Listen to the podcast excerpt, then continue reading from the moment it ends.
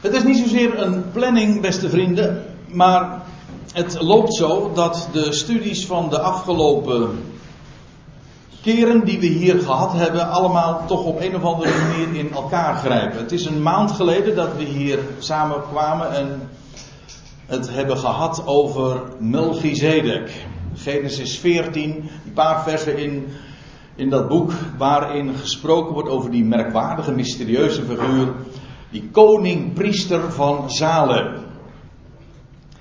En hij is het die in de Hebreeënbrief dan vervolgens uitgebreid ter sprake komt en hij blijkt een type te zijn van onze Heer Jezus Christus, die koning is en priester, zo, en zo heet hij ook, naar de ordening van Melchizedek, naar zijn model. Toen was het twee weken geleden dat we hier bij elkaar waren. En toen hebben we het gehad over Hosea 3. Dat was weliswaar een ander onderwerp. Maar toen kwam ook nog even voorbij dit onderwerp. En toen zei ik al, herinner ik mij, ik moet me nu even inhouden, want ik zou graag wat meer daarover willen vertellen. Over een toch wel betrekkelijk onbekend onderwerp, de EFOD. Nou, en daar komt nog eens een keer bij trouwens dat ik nu ook begonnen ben in Rijnsburg met studies over de Hebreeënbrief. Nou ja, en dan, dan treft het zo dat je helemaal in de moed bent om je bezig te houden met dit onderwerp en steeds weer nieuwe dingen daarover eh, vindt. De Evod. En zoals u dat op het plaatje ook ziet, dat heeft in elk geval te maken met de hoge priester. Ik ben niet helemaal tevreden wanneer dat het enige is wat u daarvan vanmorgen over gaat onthouden. Maar eh, het is in ieder geval wel iets wat je even moet weten.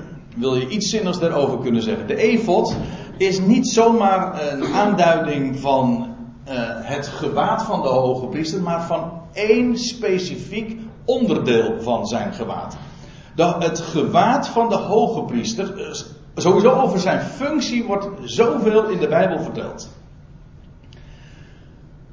Wat hij moest doen, maar ook over de wijze waarop hij gekleed of getooid ging. Bij allerlei gelegenheden, want dat was ook niet altijd hetzelfde. Bijvoorbeeld op de grote verzoendag ging hij niet zo gekleed, maar ging hij geheel in wit linnen gekleed. Als hij het heiligdom inging. Maar dan neem niet weg dat we in de Bijbel een, een uitgebreide beschrijving vinden ook van andere kledingstukken. Zoals je die hier vindt, de tulband, de, de hoed van de hoge priester en wat daar ook weer op geschreven stond. Je ziet dat hier niet zo erg goed, maar er was een diadeem op de, bij, zijn voorhoofd en het was allemaal goud.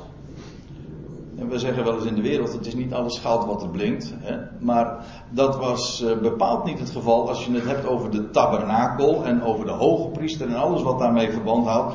Want dat was wel enorm veel goud. En nou ja, ook de, het kleurrijke, daar kom ik eh, vanzelf nog over te spreken. Die efot, want laat ik me daar dan toch even toe beperken. Die efot, dat is een, een schort, of de concordant version geeft dat weer met een vest. En een vest dat uh, gedragen werd, uiteraard uh, rondom, zijn romp. En wat daar vooral bekend van is, is dat op dat vest dan vervolgens die borstplaat met daarin twaalf edelstenen gegraveerd. Nee, ja, uh, met daarin de gegraveerde twaalf namen van de stammen van Israël. Dat is uh, nogal uh, duidelijk te zich, zichtbaar. Het lijkt, zo heb ik begrepen, op een iPad. Maar daar hebben we het dus niet over. Ja, in het Hebreeuws lijkt het er zelfs als je het schrijft nog erg op een efot. Maar dat heeft er echt, mensen, beste mensen, niets mee te maken. Nee, we hebben het over de efot, een vest, een, de, het priesterschort. En de meest uitgebreide beschrijving daarvan treffen we in Exodus 28. En ik stel voor dat we daar maar eens naartoe gaan. Ik kan natuurlijk nooit op al die details uh, werkelijk uh, diep ingaan, maar ik wil gewoon eens een algemene introductie geven gewoon tot dit onderwerp. Wat is die efot en vooral ook wat is de betekenis ervan? Ik weet niet hoe u het hebt, maar als je uh, met allerlei passages in de Bijbel leest, zeker als het voorleest, dan kun je daar zo goed als niks mee. Ik zei, vooral bij voorlezen treft dat. Maar dat geldt voor met name bijvoorbeeld uh, bij, bij passages uit Exodus, Leviticus. Als je dat leest, ook hier van die beschrijving van het gewaad van de hoge priester. Als je het leest en voorleest, dan dringt, dan, uh, dringt dat niet tot je door. Dan kun je daar, uh, kun je enigszins een voorstelling van maken. Want het waren gewoon allemaal de gegevens die van Gods wegen aan Mozes waren gegeven. Hoe alles in elkaar zou steken. Maar wat betekent het in vredesnaam? Dat weet je niet. En dan moet je echt een steek dieper. Dan moet je onder de oppervlakte. En dan. Dan ga je zoveel zien. Want als je dan die hoge priester gaat bekijken. En zijn, zijn kledingstukken. En wij beperken tot ons tot één kledingstuk.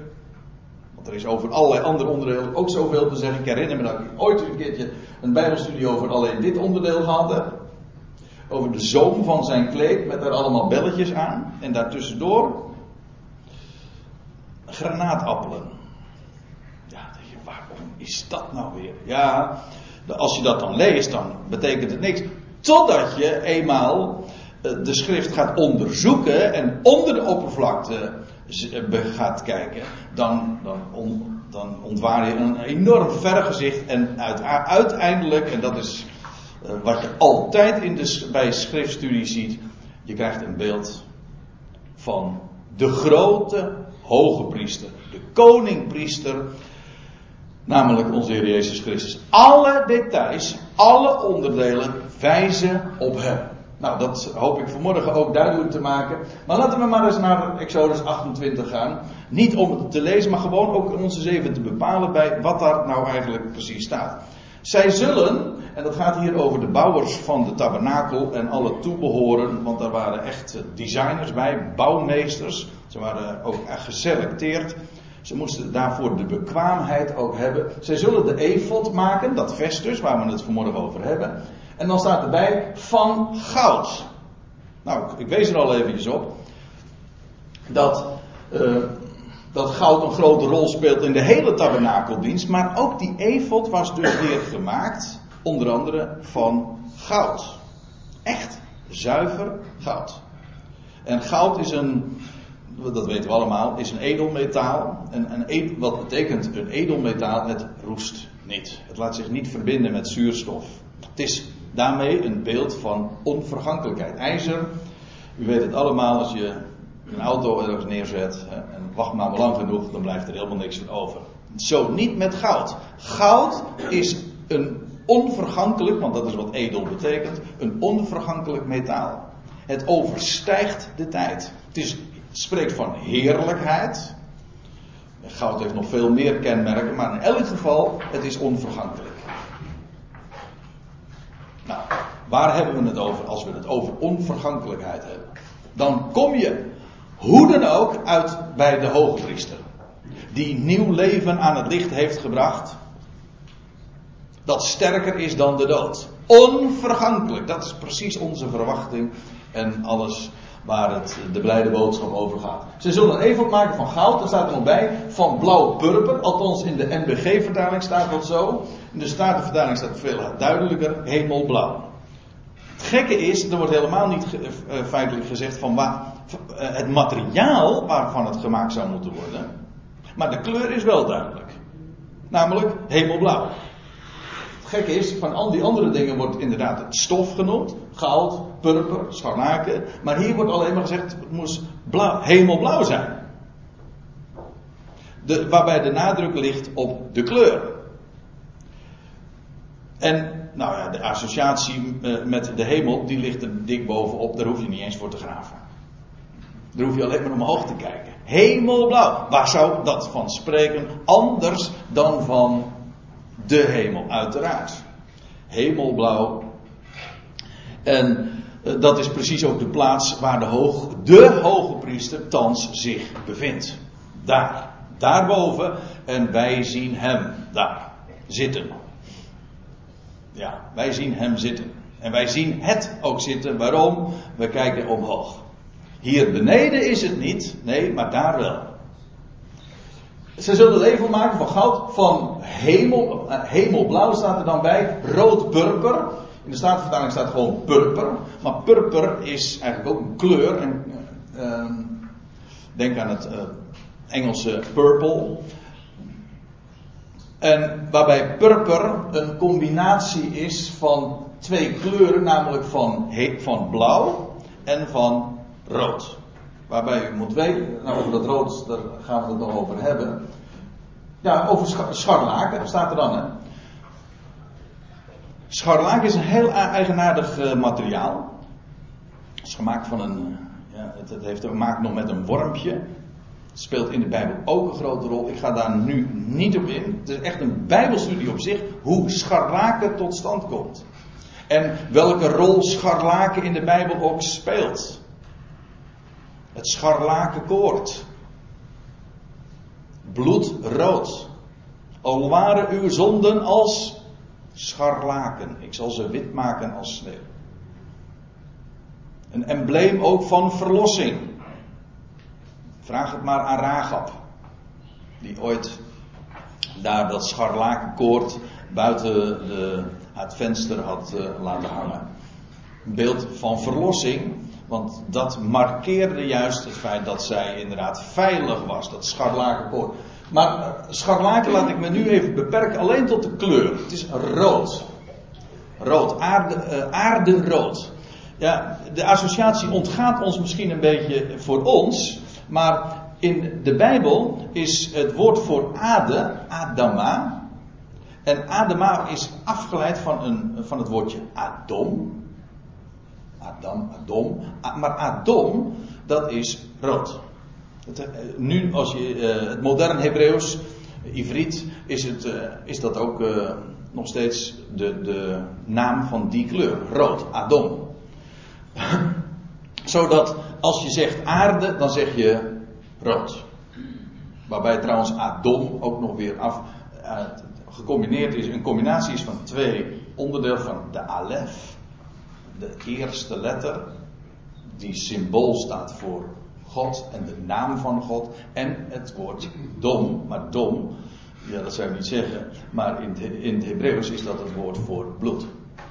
Zodat je ook weer begrijpt waarom Adom rood is.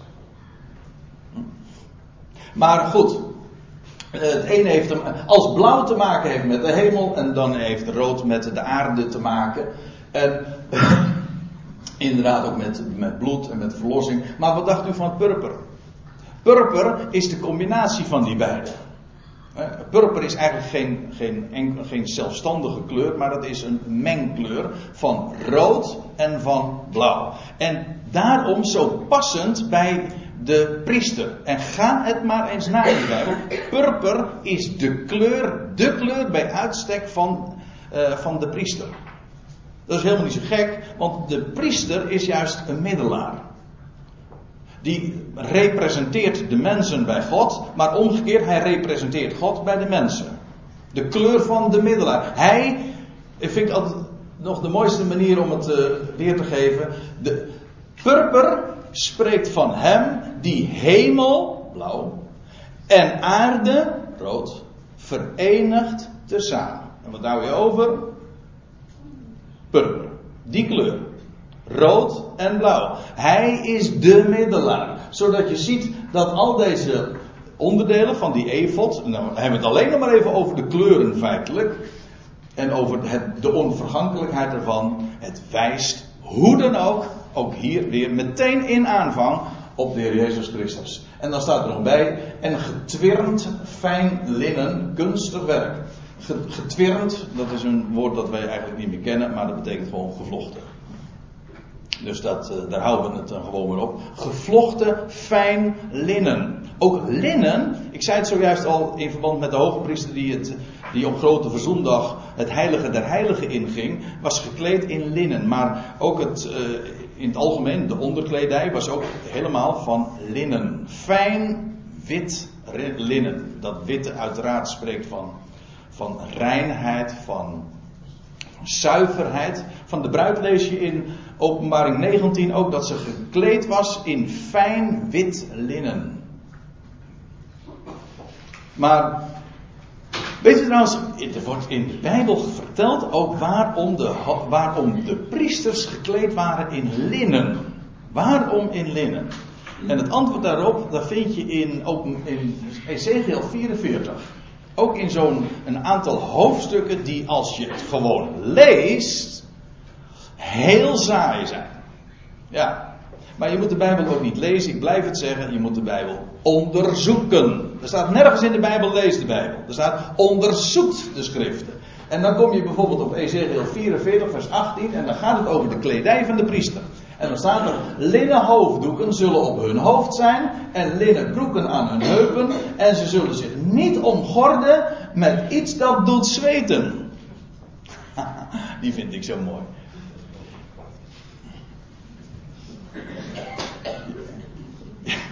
Ja, waarom lach je nou? Ja. Ja. Ja, daar, daar, daar, dat wilde God niet. Dat het deed zweten.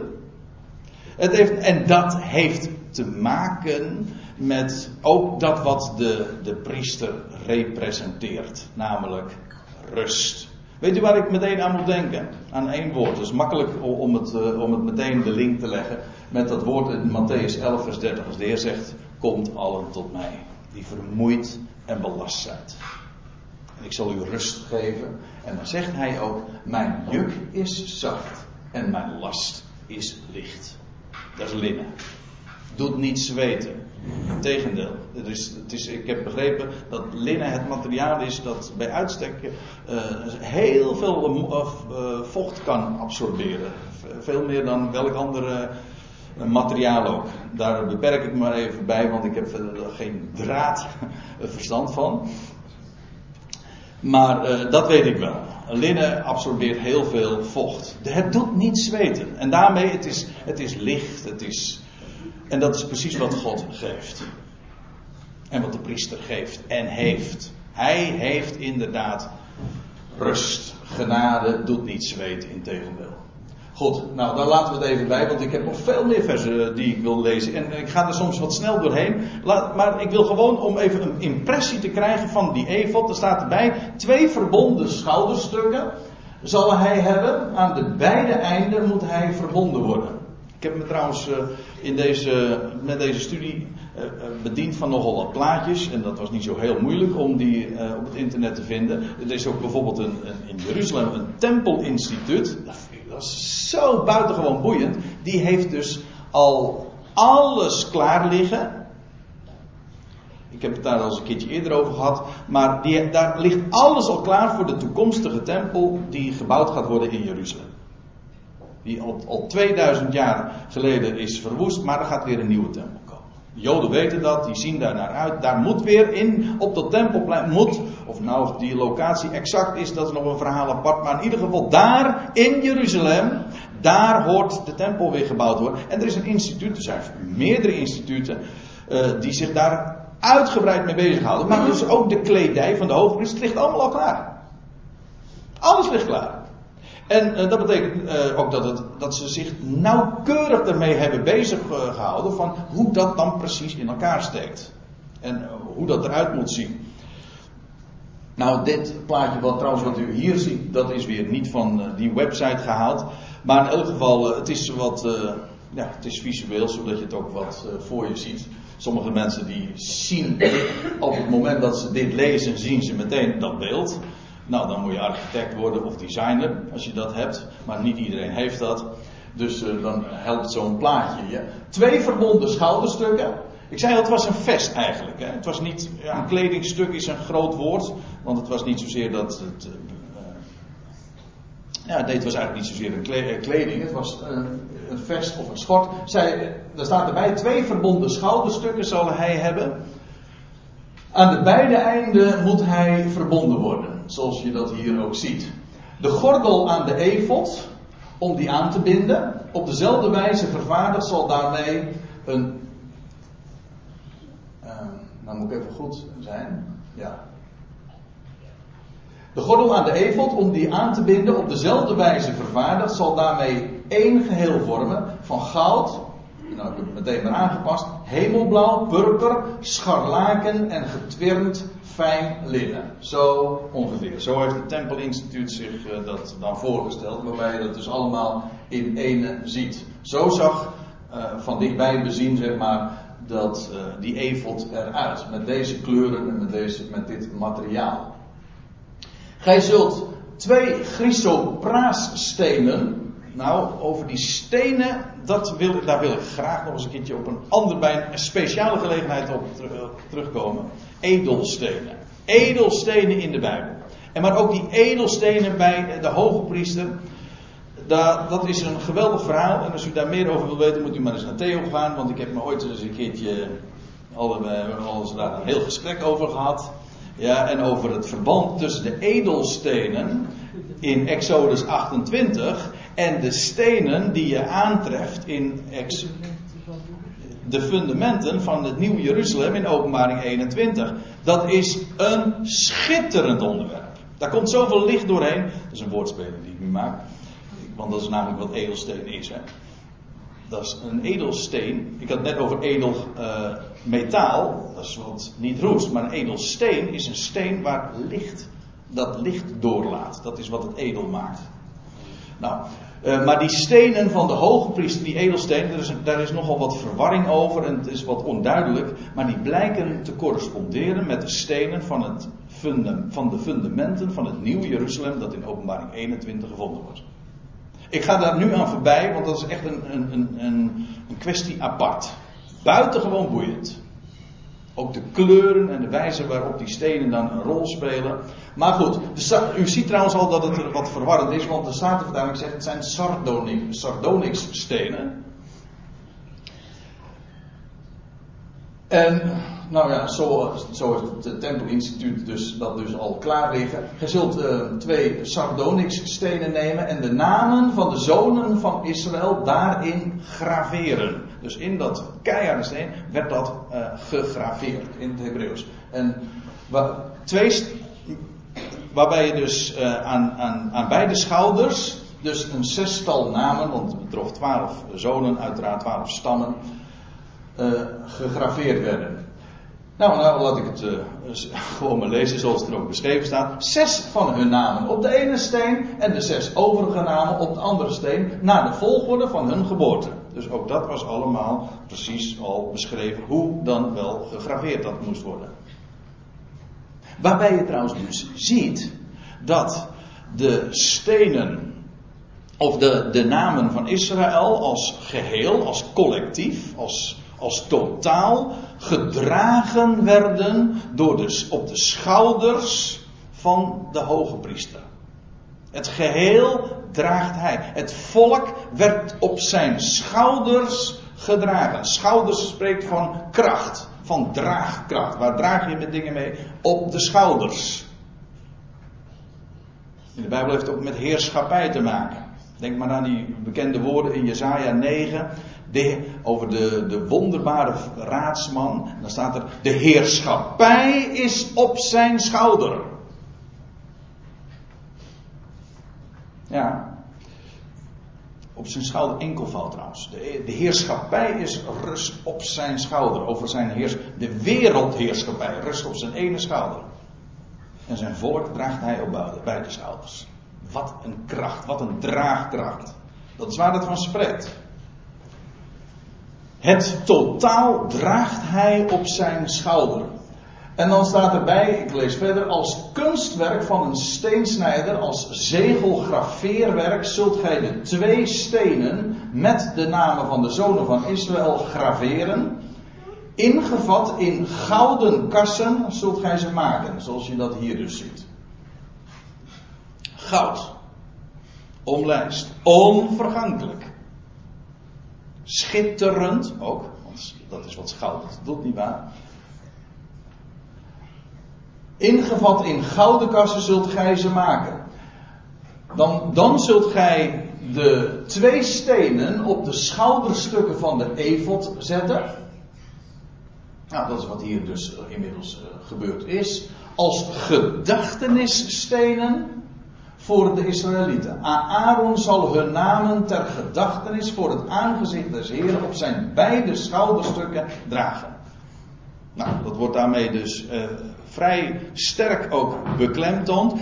Niet alleen maar dat, hij die, dat die hoge priester die, die namen die als edelstenen, want dat is zijn volk voor hem. Zo kostbaar.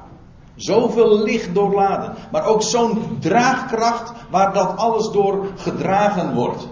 En dan staat erbij, het is een gedachtenis. Iedere keer wordt dat trouwens in dit hoofdstuk, Exodus 28, benadrukt. Een gedachtenis. Aan twee kanten. Dat wil zeggen, de Heere zal eraan denken.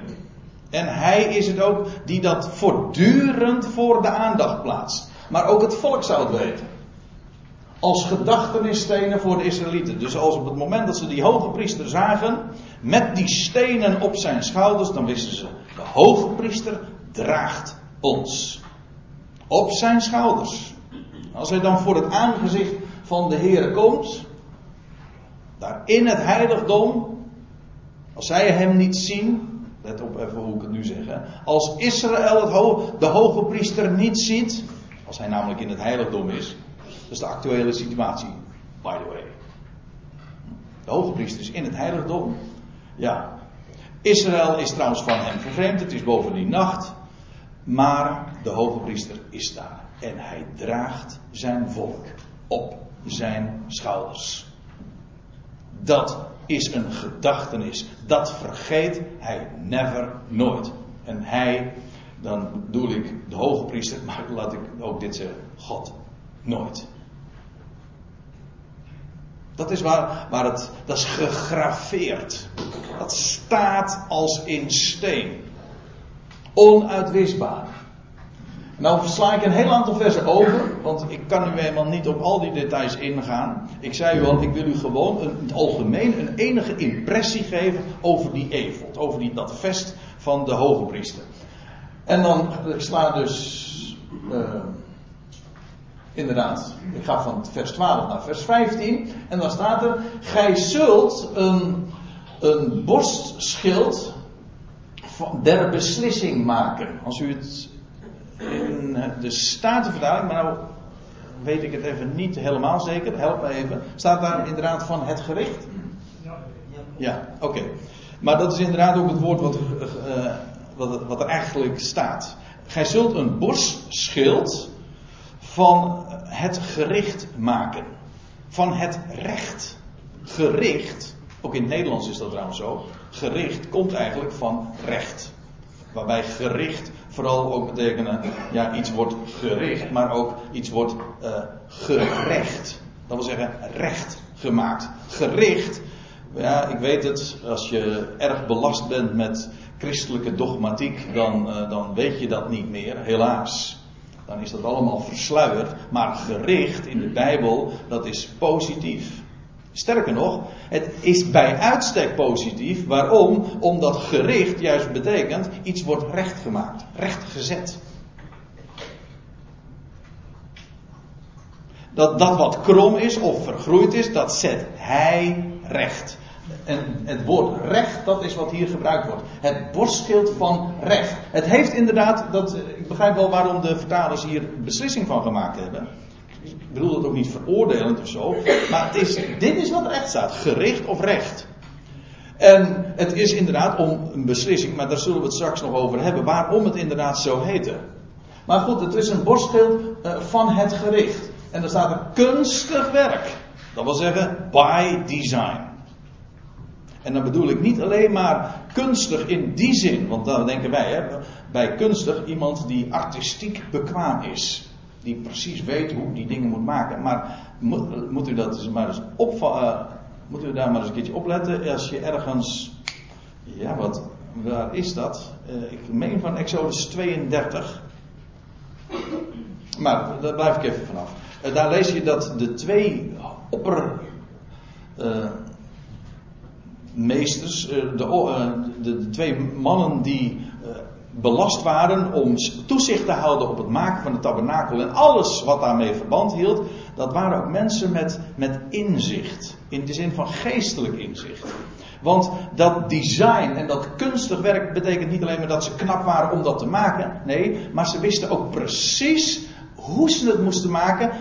Wat, om daarmee uitdrukking te geven aan Gods gedachten. Want dat is echt de kunst. Dat weten wij niet meer. De kunst is, is maar niet zomaar een, een, een, heel knap gedaan. Nee, echte kunst, nietwaar, daar zit iets achter. Een gedachte achter. Beeld iets uit. Het is niet zomaar van, nou, ik doe maar wat. Uh, dat zijn woorden van Karel Appel ooit. Je kunt er overigens steenrijk mee worden, als je dat idee ervan hebt. Daar niet van. Maar neem niet weg, het is niet bij, in de Bijbelse zin is kunst de uitdrukking van een geest, van inzicht, van geestelijke dingen. Het is eigenlijk het zichtbaar maken van onzienlijke dingen. Dat is wat God trouwens ook doet. De hele schepping is niks anders dan zijn kunstwerk. Het is allemaal de uitdrukking van zijn gedachten, van zijn toekomstvisie, van, zijn, van, wat er in zijn hart is. God geeft daarin uitdrukking aan in de, in de plantenwereld, in de dierenwereld, in heel de natuur, in de hele de schepping. Alles is zijn design. Hij, hij vertelt daarin wie hij is en wat hij op het oog heeft. Ook al is het een, schepping die aan de vergankelijkheid onderhevig is, dat zie je erin terug. En ik wijs alleen nog maar eventjes terug op wat ik de eerste opmerking van vanmorgen was. Eh, de hele seizoen. De hele seizoenswisseling. Dat spreekt van goddelijk design. Over de overwinning op de dood. Enfin, de, het was kunstig werk. En dan staat er nog bij. Op dezelfde wijze als de evot zult gij maken. Dat borstbeeld, dat borstschild, die borstplaat, of hoe je het ook maar noemen wil. Dat, is, dat was eigenlijk, dat zat daar op vast. Het was niet uh, de evod. De evod is gewoon vest. Maar op die evod was daar dat borst, die borstplaat bevestigd. Dezelfde wijze als de evod zult gij maken, ook hier weer van goud, hemelblauw, purper, scharlaken en getwirnd fijn linnen zult gij het maken. Alsjeblieft, dit is het. Vierkant zal het zijn, dubbel, een span lang en een span breed. Dat, dat is dit dus. Een span, dat wij gebruiken dat niet zoveel meer, maar een span dat is eigenlijk dat is de afstand tussen je pink, als je je hand wijd open houdt, tussen je pink, de top van je pink en de top van je duim. Dit dus. Dat is een span. Het staat in de die prachtige woorden in Jesaja 40. Wie mat de wateren met zijn holle hand en maakt mat de hemel met, een, met zijn span. Ik citeer het niet helemaal goed zoals ik het nu zeg. Maar in ieder geval, voor hem is de hemel een span. Zo tussen duim en wij. Tussen duim en, en zijn pink. Dat is de hemel voor hem. De almachtige God. Maar goed, hiervan die, uh, hiervan die, dat borstplaat wordt gezegd, het was vierkant. En dit is de afmeting. En de stenen zullen overeenkomstig de namen van de zonen van Israël twaalf in getal zijn. Overeenkomstig hun namen als zegelgraveerwerk zullen zij elk met zijn naam zijn voor de twaalf stammen. Van die stenen van de, schouder, van de schouderstukken lees je dat ze dat was collectief. Hè? Dat was, op die ene steen waren zes namen en op de andere steen waren ook zes namen vermeld, gegraveerd. Maar hier waren al die namen van de zonen van Jacob afzonderlijk gegraveerd. Ja, wat daar, dat betekent ook, moet je even goed over nadenken. Hij draagt zijn volk als collectief, als geheel, als totaal op zijn schouders, op zijn kracht. Maar elke naam afzonderlijk draagt hij op zijn hart. Is dat niet geweldig? Elke naam, dat is maar geen collectief. Het geheel draagt hij, dat is zijn schouders, dat is zijn kracht. Maar elke naam afzonderlijk kent hij en draagt hij hier, met recht, op zijn hart. Gegraveerd als edelsteen. Zo kostbaar. Voor het aangezicht van de Heer.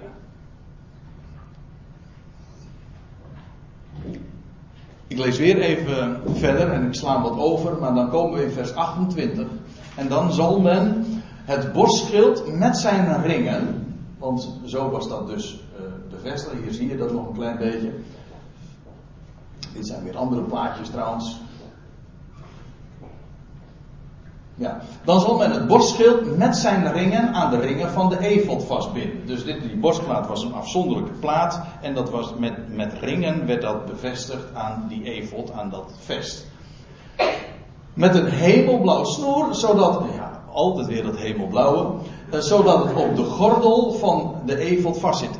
Trouwens, eh, ik zei linnen, dat witte, dat, dat domineert in het kleed van de hoge priester. Maar dat opperkleed lees je ook in ditzelfde Exodus 28. Het opperkleed zelf van de hoge priester, dat was in zijn totaliteit hemelblauw. Dus blauw-wit, dat, steekt, dat zijn de dominante kleuren in het, in het totaal aanblik van de hoge priester. Wit en hemelblauw. Prachtige kleuren. Het zijn mijn favoriete kleuren altijd al geweest. Maar uh, ik weet nu ook waarom. Ja. Ja, zodat van de eveld vastbinden met een, hemel, met, een hemelblauwe snoer, zodat het op de gordel van de evod vastzit en het borstschild niet van de evod kan afschuiven. Met andere woorden, wat daarbij benadrukt wordt, is die evod, of dat borstplaat, dat zit aan die evod vast. Het, die, het zit op het hart van de hoge priester en kan daar niet van afschuiven. Hij komt daar niet van af.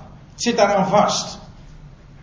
En de betekenis, als je er even over doordenkt, en als je eenmaal de, de link snapt met de grote hoge priester die we kennen, dan ligt het zo voor het oprapen. Het zit daaraan vast. Om. Het, het is er niet van los te maken. Dat was het idee. Met ringen, ja. Waarbij trouwens een ring ook nog een uitbeelding is van de eeuwigheid. Dat wat niet ophoudt. Een ring is eigenlijk een, is een cirkel, dat is een lijn waar geen begin en geen eind aan zit. En dan weet je ook, vind ik altijd een mooi beeld. Het is een, ring is een beeld van trouw ook. Uiteraard, waarom trouw? Want er, er zit geen eind aan. Dat is met Gods trouw ook. Er zit geen eind aan. Maar oh, een, eh, wat dacht u van een, eh, een beeld zoals wij dat dan zeggen? Om door een ringetje te halen. Ja, maar dat is wat God met de schepping doet. Het is hele oude schepping en die, die aan de slavernij van de vergankelijkheid onderworpen is. Hij, God gaat die hele schepping door een ringetje halen. Door een ring. Dat wil zeggen, hij brengt die, die schepping die aan de vergankelijkheid is onderworpen, brengt hij in de eindeloosheid. Onvergankelijkheid. Ringen spelen in de tabernakel trouwens in het algemeen een grote rol. Ook bij de gordijnen en bij talloze andere attributen. Maar ook hier weer, bij het gewaad van de hoge priester, bij de efot. Zat daaraan vast.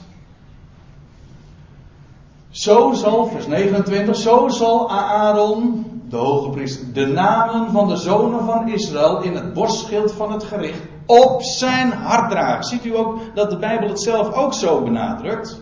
Waarom hier? Waar, waarom het borstschild niet op een andere plaats? Nou, heel simpel. Hij zal dat borstschild van het gericht op zijn hart dragen. Wanneer hij in het heiligdom komt tot een voortdurende gedachtenis voor het aangezicht des Heren.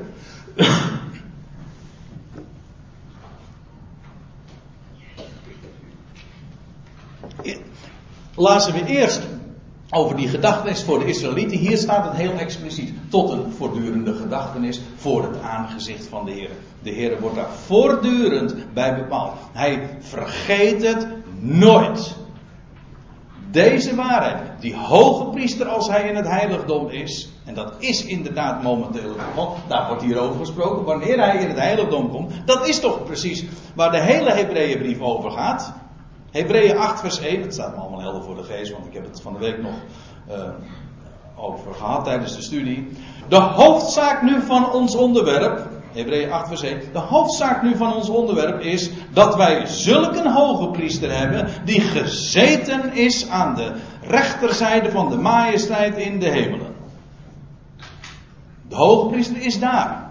En wat heeft hij daar? Wel, hij draagt zijn volk op zijn schouders. Je mag voor mij heel dubbelzinnig opvatten. Voor Israël en de Ecclesia, dat is nou ja, daar zouden we het uh, nog bij een andere gelegenheid nog eens over moeten hebben. Ik laat het nu even voor wat het is. Maar hij draagt zijn volk, laat ik het dan maar zo zeggen. Hij draagt zijn volk op zijn schouders. Maar als totaal, maar elk naam afzonderlijk op zijn hart. En hij vergeet het niet. Hij vergeet het niet. En gij zult, ja, nou komen we op nog een heel mooi item. Waar, waar ik niet aan ontkom. Want ik zei al, het, uh, het was het borstschild van het gericht. En het staat ook in vers 30. En gij zult in het borstschild van het gericht de Urim en de Tumim leggen. Oh ja, daar hadden we het ook over. Over de Evot, de vorige keer. De Urim en de Tumim. Urim en Tumim, zeggen ze, is wat iets uh, Hebreeuws gezegd. Waarbij Urim, Ur is Ur, Ur, dat is uh, licht. En Urim betekent lichten. Tum betekent volmaakt. En Tumim volmaaktheden. Zo dus, als je het letterlijk weergeeft, zijn het dus lichten en volmaaktheden. En dan staat er leggen, maar staat letterlijk lichten en volmaaktheden geven. Wat zijn nou die Urim en Tumim? Nou, de vraag is heel snel gezegd, ge, naar voren gebracht. Maar om het te beantwoorden, dat is uh, veel lastiger. Het gekke is namelijk dat van elk onderdeel van de tabernakel exact gezegd wordt wat het is, hoe het gemaakt moet worden. Van die Urim en Tumim niets. Wat is nou die Urim en Tumim? Ja, staat, er wordt hier gezegd, gij zult het in het, of, of in of aan het borstschild van het gericht geven. Ja, maar, maar waar komt die vandaan dan? De mens had het niet gemaakt. Daar wordt niets over gezegd. Het was geen menselijke kunstvaardigheid die dat gemaakt had. Ja, mijn conclusie is, als, maar als de mens het niet gemaakt heeft, dan komt het gewoon van God zelf. God heeft het gegeven. En als je even bij het woord echt stilstaat, dan is dat niet zo gek. Want hoe, waar zou nou volmaakt licht vandaan komen? En ja, dan de vraag, hoe functioneerde dat dan? Nou, het, het was in ieder geval om antwoord van de Heer te krijgen. Hij gaf beslissingen. De Urim en Tumim, ik, ik, ik, wil er even twee dingen over zeggen. Je leest bijvoorbeeld in de geschiedenis van Saul dat de Heer antwoordde hem niet. Dan staat er nog door dromen, nog door de profeten, nog door de Urim en Tumim. Dus het was zo dat Saul die wilde antwoord hebben op zijn vraag, maar de Heer gaf geen antwoord. Niet door gezichten, ook niet door de profeten en evenmin de Urim en Tumim zwegen ook. Die gaven hem ook geen antwoord. Die, die vertelde hem niet het recht, het gericht, de beslissing. Daar was het in ieder geval voor. Ik lees even verder. Ik kom, want ik kom er straks nog even op terug. Kan dat nog? Ja. Nou, dan moet ik snel wezen. Maar dan staat er in vers 30 nog van Exodus 28. Zij zullen op het hart, zij zullen op het hart van Aaron zijn. Dus in die borstschild, of ja, daar, daar was dus nog, dat was een open ruimte. In dat borstschild, in die borstplaat. En daarin waren de Urim en Tumim. Ik blijf even mysterieus, want meer kan ik er niet van zeggen. Ik wilde wel meer van zeggen, maar ik wil gewoon alles wat ik vermeld, wil ik de bonnetjes bijleveren. Dus vandaar dat ik me gewoon even op de vlakte haal. Ze zullen op het hart van Aaron zijn wanneer hij, op het wanneer hij voor het aangezicht des Heren komt. En Aaron zal het gericht voor de Israëlieten, dat wat daarin zit dus, borstplaat van het, gericht. En Aaron zal het gericht voor de Israëlieten voortdurend op zijn hart dragen voor het aangezicht van de Heer. Dus als hij daar is in het heiligdom, dan is, dan is hij degene die het die zijn volk draagt op zijn schouders, afzonderlijk elke naam op zijn hart, maar bovendien, als je het gericht, het recht, het antwoord, de beslissing, dat is, waar is dat? Nou, bij zijn hart. Als je wil weten hoe het zit, moet je bij daar wezen. Nou, ik zal u daar dus eventjes een voorbeeld van geven.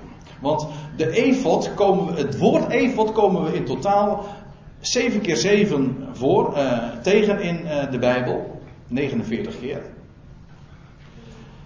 Dus ik kan maar zo een, een, een, beperkt aantal voorbeelden daarvan geven. Maar van die efot, uh, die kom je bijvoorbeeld tegen in, in 1 Samuel 30. Dat is een, wel een bijzondere geschiedenis. Juist ook om even wat te vertellen over die Urim en Tumim. In het leven van David speelt die efot een merkwaardige rol.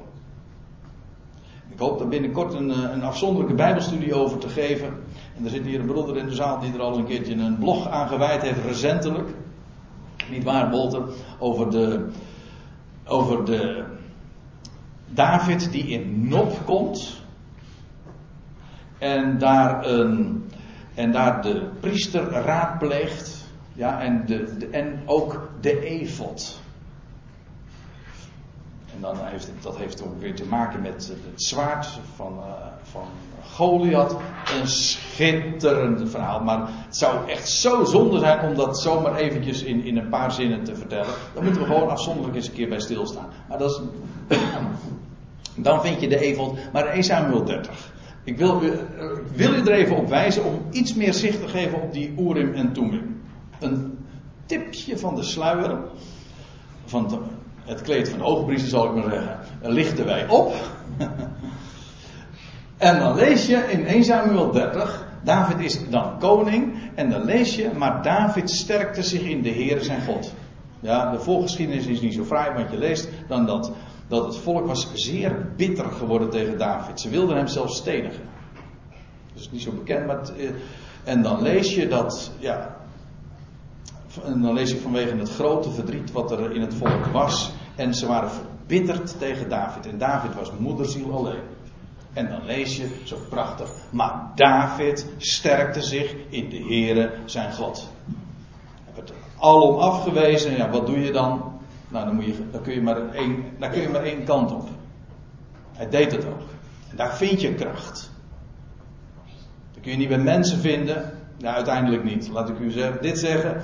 Als je, als je met, eh, met bitterheid in aanraking komt, het is zomaar een opmerking die, uh, die me zo binnenvalt. Maar als je daarmee aanraking komt, wat kun je dan? Nou, ga de goede kant op. Daar vind je namelijk antwoord. En niet bij allerlei deskundologen.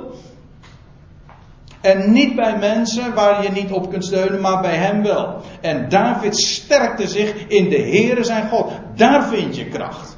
En dan moet je eens opletten wat hij deed moet, eraan, uh, moet even snel verder gaan. Want daar staat er dit. Toen beval David de priester Abjatar, de zoon van Abimelech, breng mij de evod. De evod. Hé, hey, dat vest van de hoge priester. En Abjatar bracht David de evod. Hoezo? Waarom wilde David zo graag die evod? Nou, dan lezen we nog even verder. Ja, ik zei al, uh, van.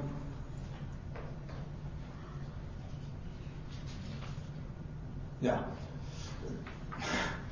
Daarop vroeg David de Heere. Ik zei zojuist al even in verband met Saul, die vroeg, ook de, die vroeg ook antwoord, maar de Heere antwoordde hem niet. Ook niet door de Urim en de Tumim. Die in die efot, namelijk bij de bosschild, uh, verborgen lag. Die Urim en Tumim gaf antwoord op vragen. Gaf volmaakt licht. Wat dacht je daarvan? Daarop vroeg David de Heer. Precies. Dat is een hele goede. Heb je in ieder geval de vraag aan de goede persoon gesteld. Hij wist. Als ik licht wil hebben, dan moet ik daar wezen. En zijn vraag is deze: Moet ik deze bende achtervolgen? Zal ik ze inhalen? En hij hij, dus met een hoofdletter, God. Hij antwoordde hem, achtervolg.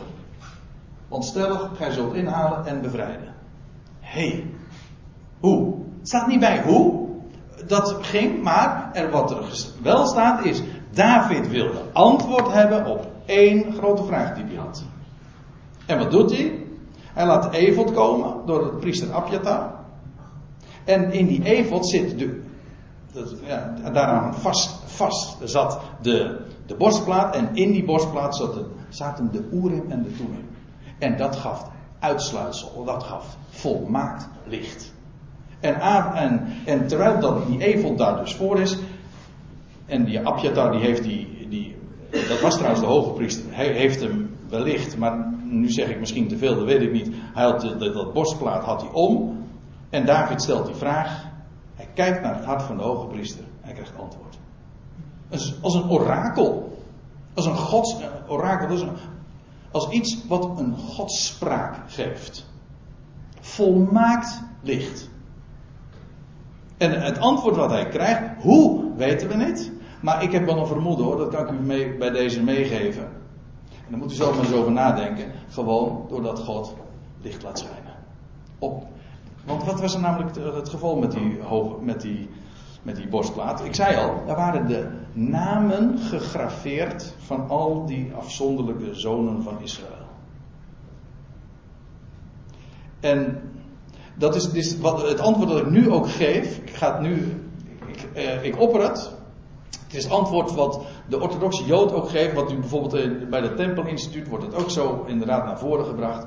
Het licht, eh, of wat er gebeurde als, eh, als God geraadpleegd werd door middel van die Urim en Tumim, door middel van die Evod, is dat de letters oplichten. Achter elkaar. En zo een woord vormde. In dit geval kreeg hij het antwoord achtervolg. In het Hebreeuws staat er een woord met drie, vier letters of zo. En de letters op lichten. Het, het heet er Urim, lichten. Het, wat er gebeurt is dat er lichten gingen schijnen. Ja, en daar werd antwoord gegeven, maar hoe dan? Wel, op die borstplaat, op die Urim en Tumim, waren allemaal letters gegraveerd, namen gegraveerd. Nogmaals, ik wil er niet meer over zeggen, meer kan ik er niet over zeggen, maar in elk geval, dat borstplaat van het gericht gaf antwoord. En er waren namen en letters op gegraveerd, dat weet ik ook. En het heeft te maken met licht. Dus antwoord licht voor het, licht voor het grijpen, ja.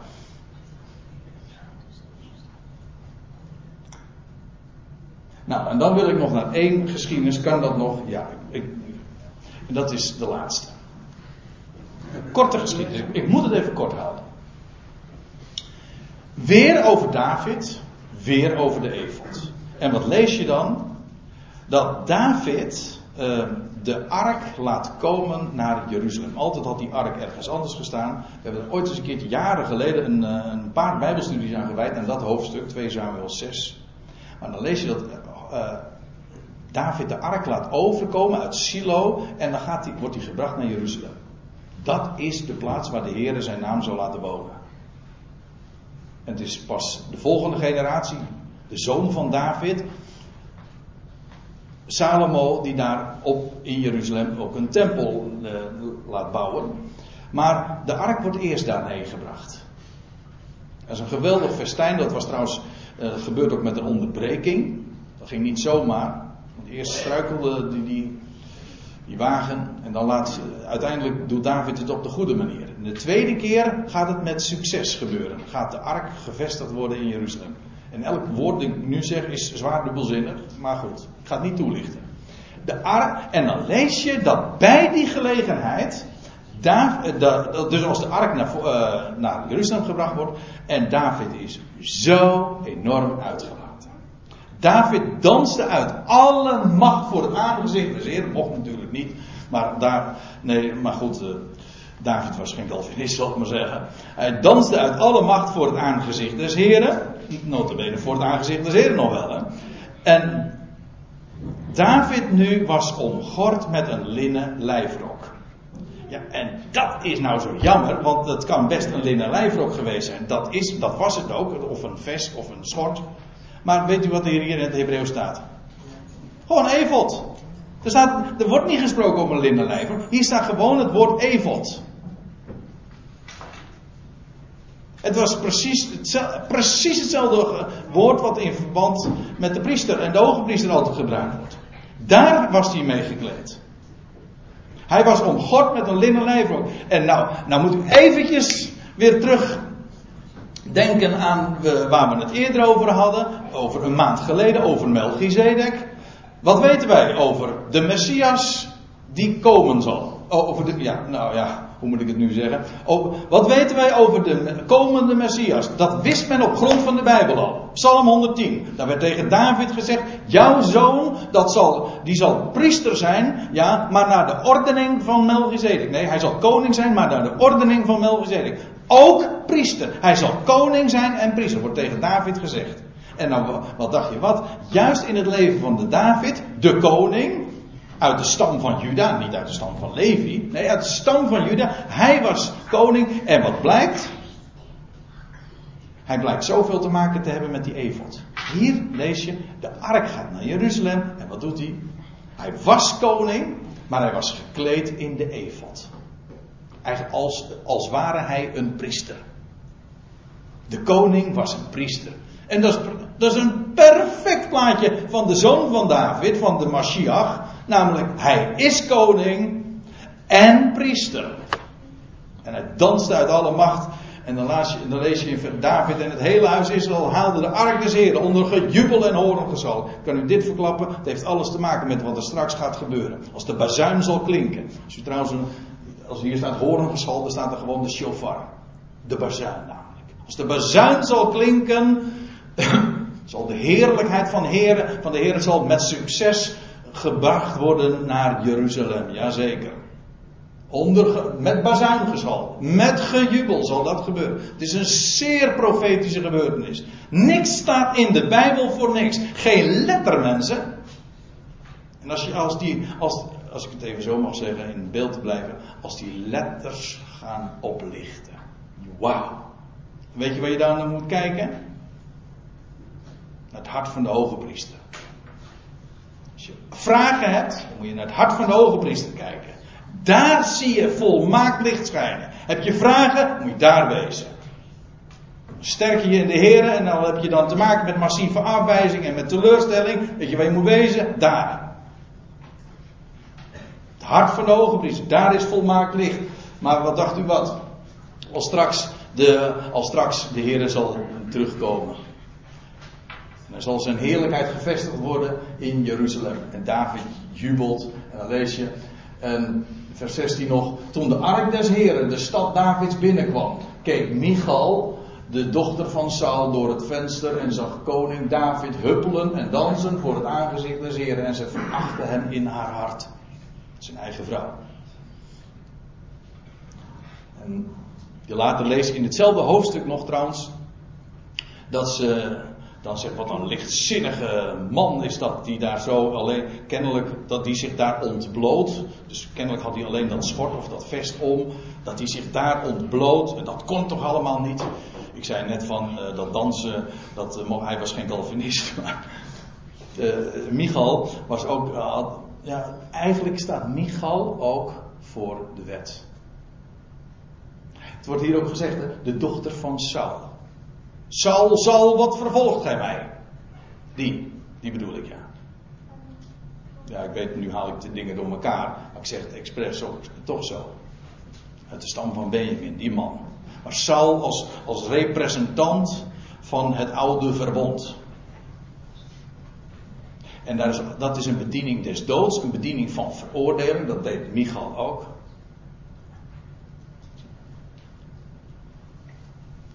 Maar David trok zich er niks van aan. Want het was, het was Michal die hem veroordeelde. Maar David zegt: Ik zal me nog veel lichtzinniger gedragen. Voor het aangezicht van de Heer. En dan kunnen mensen zeggen wat ze willen, maar ik spreek zijn woord. En ik, dit is zo'n reden voor jubel en gejuich. En dan kunnen mensen inderdaad veroordelen. En ja, ik, ik, ik, uh, ik, ik heb hier inderdaad bijgedachten bij. Als je zo'n geweldig woord hebt. Zo'n rijkdom, zoveel jubel, zoveel licht. Zo'n enorme schat. Ja, en dan is het oude verbond, de religie, die zegt oh, dat kan allemaal niet, dat veroordeelt, de bediening des doods, daar, is waar, daar staat Saul voor, maar ook zijn dochter. Het oude verbond in de nieuwe generatie, zeg maar. Maar nog steeds hetzelfde laken en pak. En weet je wat je hebt? Deze, deze David die liet zich daar, niks, die liet zich daar uh, niets aan gelegen liggen. Hij, hij, hij bracht het naar voren, hij jubelde het uit. En nou, het is dan het laatste vers wat ik dan nog wil noemen. Breek midden in het gedeelte eigenlijk af, maar goed. Nadat zij de ark des Heren binnengebracht hadden, zetten zij haar neer op haar plaats. In de tent die David voor haar gespannen had. En David bracht brandoffers en vredeoffers voor het aangezicht des Heren. Ook hier weer dat priestelijke. Een koning die offers brengt. Ja. En dan lees je trouwens in vers later nog dat hij het volk zegende. Als ware hij een priester. Nou, één ding wil ik met dit laatste met dit laatste Bijbelhoofdstuk waar ik op wijs, uh, wil ik daarmee duidelijk maken. De zoon van David, de koning, hij is de priester. Als je wil weten wie hij is, kijk je naar die evert van hem. Wat daar allemaal mee te maken heeft. Zijn kracht, zijn hart, het antwoord dat daar te vinden is.